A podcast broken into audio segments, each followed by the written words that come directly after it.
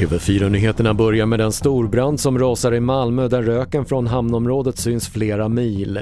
Fartyg med vattenkanoner från Kustbevakningen och sjöräddningen har satts in i släckningsarbetet men det finns ingen spridningsrisk till närliggande byggnader.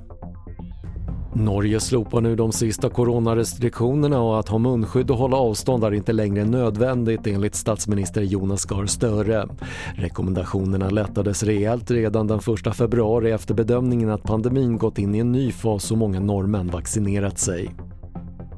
En 15-årig pojke i Spanien misstänks ha skjutit ihjäl sina föräldrar och yngre bror. Händelsen inträffade i tisdags men upptäcktes först igår kväll och enligt polisen har pojken berättat att han bråkade med sin mamma om skolbetyg innan han dödade familjen med sin pappas jaktgevär.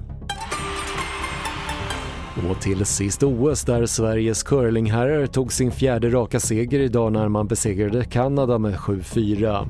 Lagedin som nu leder gruppspelet där fem omgångar återstår möter Norge i nästa match imorgon.